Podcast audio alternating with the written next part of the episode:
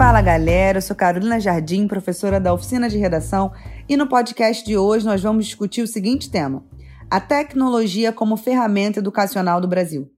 Quando eu leio esse tema, cuja palavra-chave é ferramenta, eu não consigo não lembrar do filme 2001, Uma Odisseia no Espaço, que trata da evolução das espécies e da evolução tecnológica. É um filme de ficção científica, cuja primeira cena mostra como os macacos descobriram que o osso poderia ser uma ferramenta para ajudá-los na caça, para ajudá-los a lutar contra outros animais. E a partir desse desenvolvimento, dessa ferramenta, dessa tecnologia, dessa nova invenção, eles conseguiram estar à frente dos outros grupos e à frente na luta nessas guerras entre os animais que havia. E dessa cena pula-se para a cena que já traz a questão da nave, das naves espaciais e da evolução tecnológica. O que, que esse filme traz para gente logo de cara? Que a tecnologia ela é inerente à sociedade desde os primórdios. Não é agora, a tecnologia não é simplesmente uma internet robótica, algo moderno, mas cada ferramenta que é criada, que é inventada, desde o osso lá utilizado pelos macacos, a roda, nós temos ali uma invenção tecnológica, uma revolução na forma de lidar com os processos do cotidiano.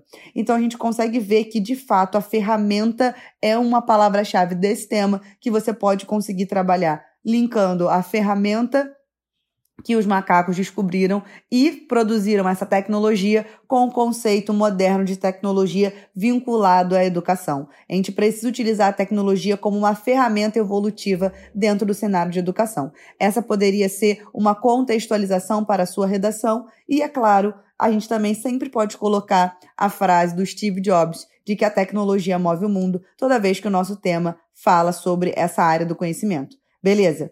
Escolhida aí a sua contextualização, seja 2001, Odisseia no Espaço, seja as frases de Steve Jobs, a gente pode ir para os nossos argumentos, para os nossos desenvolvimentos. É claro que a tecnologia é uma ótima ferramenta, só que ela é subaproveitada ou não é aproveitada de maneira plena no Brasil. E quais são os motivos pelos quais a gente tem essa dificuldade de utilizar a tecnologia no Brasil? Primeiro é o custo é muito cara a implementação de tecnologia dentro das escolas. Se a gente parar para pensar que poucas escolas têm laboratórios de informática, imagine trazer tecnologias mais avançadas como robótica, por exemplo.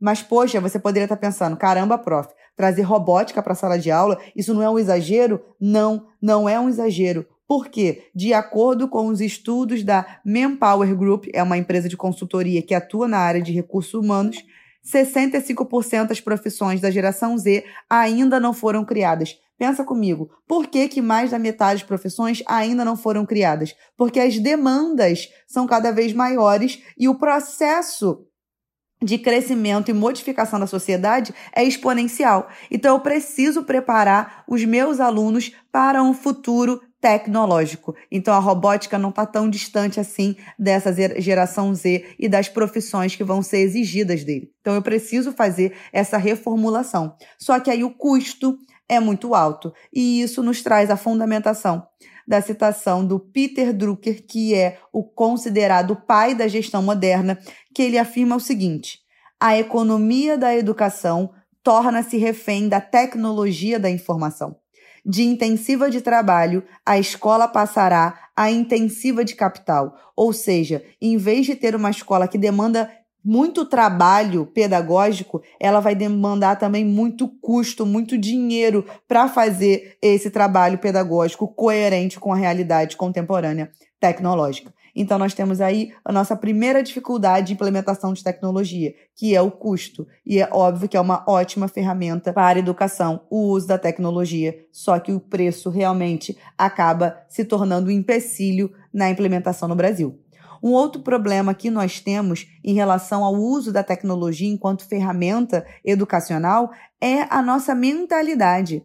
Gente, se vocês pararem para pensar, até hoje as nossas salas de aula tem muitas delas a plaquinha, ou continua pelo menos a legislação atual, que diz que não é permitido o uso de aparelhos eletrônicos em salas de aula. Se não é permitido o uso do seu celular em sala de aula, que é o mínimo de tecnologia que a gente espera que uma sala de aula moderna tenha, imagine outras ferramentas. Então acaba que a nossa mentalidade que reflete nessa legislação traz para a gente um empecilho para conseguir implementar a tecnologia como uma ótima ferramenta educacional. E quando a gente para para analisar a pesquisa da Fundação Getúlio Vargas, intitulada Motivos da Evasão Escolar, a gente vê que o principal motivo é o desinteresse dos alunos.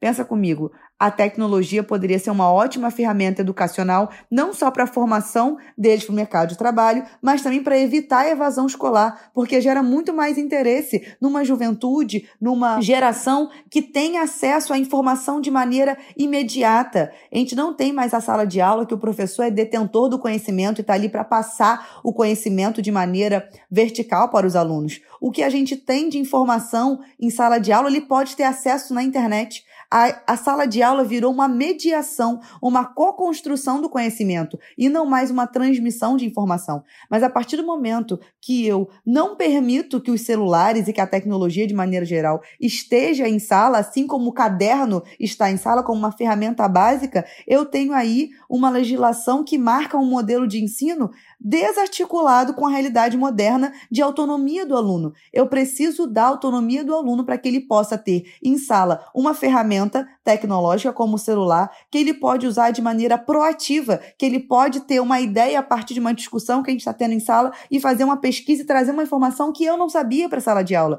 Isso é possível através do celular. Assim como você tem total autonomia para usar o seu caderno. Eu não fico mediando e controlando o uso do seu caderno a legislação proíbe o uso do aluno através da tecnologia, né, o uso do aluno do celular em sala de aula, quando ele é feito de maneira independente do aluno. Se eu trago um recurso tecnológico para a sala de aula para mediar o ensino, não tem problema. Isso não é proibido. Mas a legislação proíbe esse uso autônomo do aluno, porque parte do pressuposto que o aluno pode se dispersar facilmente com o uso do celular ou de qualquer outro aparelho eletrônico como um iPad, por exemplo, um iPod, por exemplo. Mas qualquer outra ferramenta também poderia ser dispersão. O próprio caderno pode ser uma dispersão. Então, quando a gente pega essa legislação, a gente repara que a nossa legislação ainda prega um modelo de ensino que é contrário à autonomia do aluno, à independência do aluno e acaba limitando o uso da tecnologia, que é uma ótima ferramenta. E se a gente parar para pensar, gente, o ensino híbrido veio para ficar depois da pandemia do Covid, que obrigou as escolas a implementar ensino híbrido, a gente conseguiu enxergar na prática os benefícios desse ensino. Então, é um ensino que vai ser perpetuado independentemente de cenário de calamidade pública sanitária.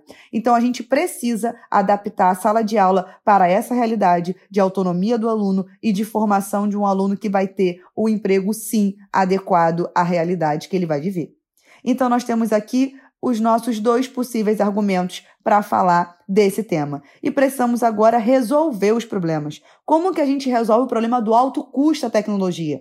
A gente poderia sugerir parcerias público-privadas com empresas de tecnologia que poderiam fornecer equipamentos, né, subsídios para as escolas em troca de isenção de imposto, por exemplo. Então, a gente poderia fazer esse vínculo, essa parceria público-privada para ajudar na questão do custo da implementação da tecnologia em sala de aula. Uma outra proposta seria essa adaptação, nessa retificação da legislação em relação ao uso de aparelhos tecnológicos para promover a autonomia do aluno e também a gente utilizar novas estratégias tecnológicas que o próprio MEC já faz. Eu não sei se vocês viram, mas o MEC já lançou um aplicativo chamado Grainphone Game. O que, que é isso, o Grainphone Game? É um aplicativo que ajuda na alfabetização, no reconhecimento de sons, de sílabas, de letras. Então, reparem que nós temos aí a tecnologia sendo uma ferramenta educacional, mas é uma no universo de amostral de muitos alunos de muitas faixas etárias.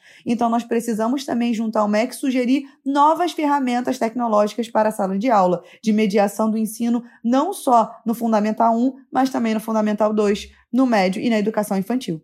Assim, a gente consegue ter uma escola que é mais antenada com a realidade atual e que de fato usa a tecnologia como ferramenta educacional, que a gente não pode negligenciar. Se a tecnologia move o mundo, ela também deve mudar o mundo educacional do Brasil.